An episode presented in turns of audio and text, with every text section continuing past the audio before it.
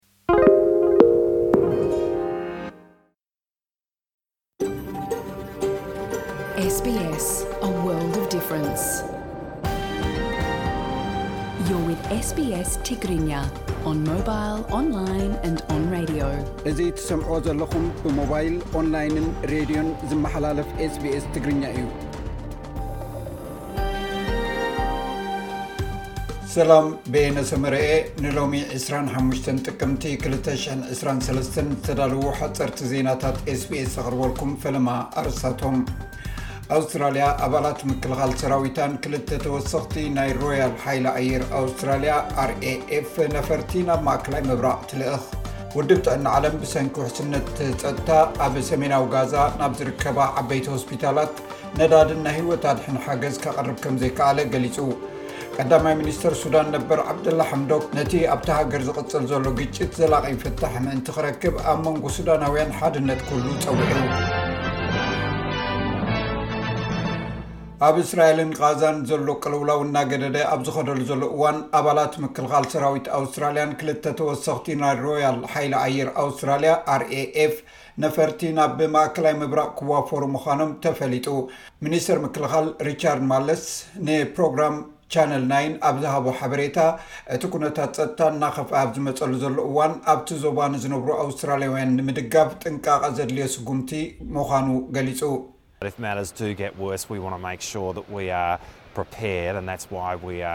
ኣዝዮም እኹላት ኣባላት ሰራዊት ኮይኖም ነተን ነፈርቲ ክድግፉ ኣብ መወዳእታ ድማ እንታይ ክግበር ከም ዘሎ ደገፍ ዝህቡ እዮም። ይኹን እምበር እዚ ኹሉ ነቶም ኣብኡ ዘሎ ኣውስትራልያውያን ንምድጋፍ ዝዓለመ እዩ። ውድብ ጥዕና ዓለም ብሰንኪ ናይ ፀጥታ ውሕስነት ኣብ ሰሜናዊ ጋዛ ናብ ዝርከባ ዓበይቲ ሆስፒታላት ነዳድን ናይ ህይወት ኣድሕን ሓገዝ ከቐርብ ከም ዘይከኣለ ገሊፁ። ቀረብ ጥዕናን ነዳድን ኣብ ማእከል ጋዛ ምእንቲ ክኣቱ ብቕልጡፍ ተኹሲ ደው ክብል እውን ፃውዒት ኣቕሪቡ። ልዕሊ ፍርቂ ናይ መባእታዊ ክንክን ጥዕና ከምኡውን ብገምጋም ሓደ ካብ ነብሲ ወከፍ ሰለስተ ሆስፒታላት ኣገልግሎቱ ኣቋሪፁ ክብል እዩ ውድብ ጥዕና ዓለም ኣፍሊጡ ዘሎ። እዚ ከምዚ ኢሉ እንከሎ ኣምባሳደር እስራኤል ኣብ ሕቡራት ሃገራት ዋና ጸሓፊ ናይቲ ውድብ ኣንቶንዮ ጉተረዝ ካብ ስልጣኑ ክወርድ ጠሊቡ ኣሎ። ጉተረዝ ንኣኼባ ባይቶ ጸጥታ ኣብ ዝሃቦ መግለጺ እቲ ኣብ ሸውዓተ ጥቅምቲ ዝተኻየደ መጥቃዕቲ ሓማስ ካብ ባዶ ዝተበገሰ ኣይኮነን ክብል ምዝራቡ ንእስራኤል ኣቖጢዕዋ እዩ።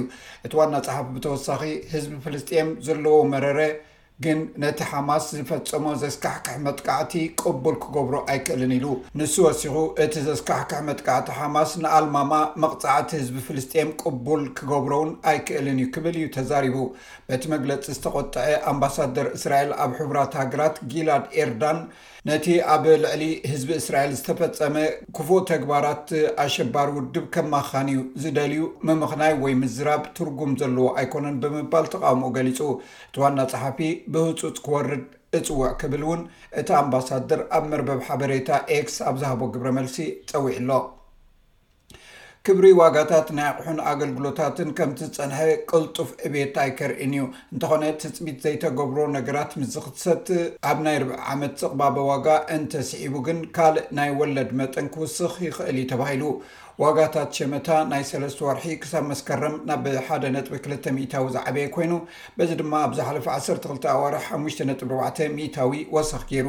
መጠን ዝቕባበ ካብቲ ኣብ ወርሒ ሰነ ዝነበረ ዓመታዊ ዕብየት ሽዱሽተ ካብ ሚእቲ ንታሕቲ ክኸውን ከሎ ካብቲ ኣብ ታህሳስ ዝነበረ ሸውዓተ ነጥቢ ሸሞንተ ሚእታዊ ኣዝዩ ወሪዱ ኣሎ። ቀዳማይ ሚኒስተር ሱዳን ነበር ዓብደላ ሓምዶክ ነቲ ኣብታ ሃገር ዝቕጽል ዘሎ ግጭት ዘላቒ ፍታሕ ክርከብ ኣብ መንጎ ሱዳናውያን ሓድነት ክህሉ ብሰኑይ ጸዊዑ።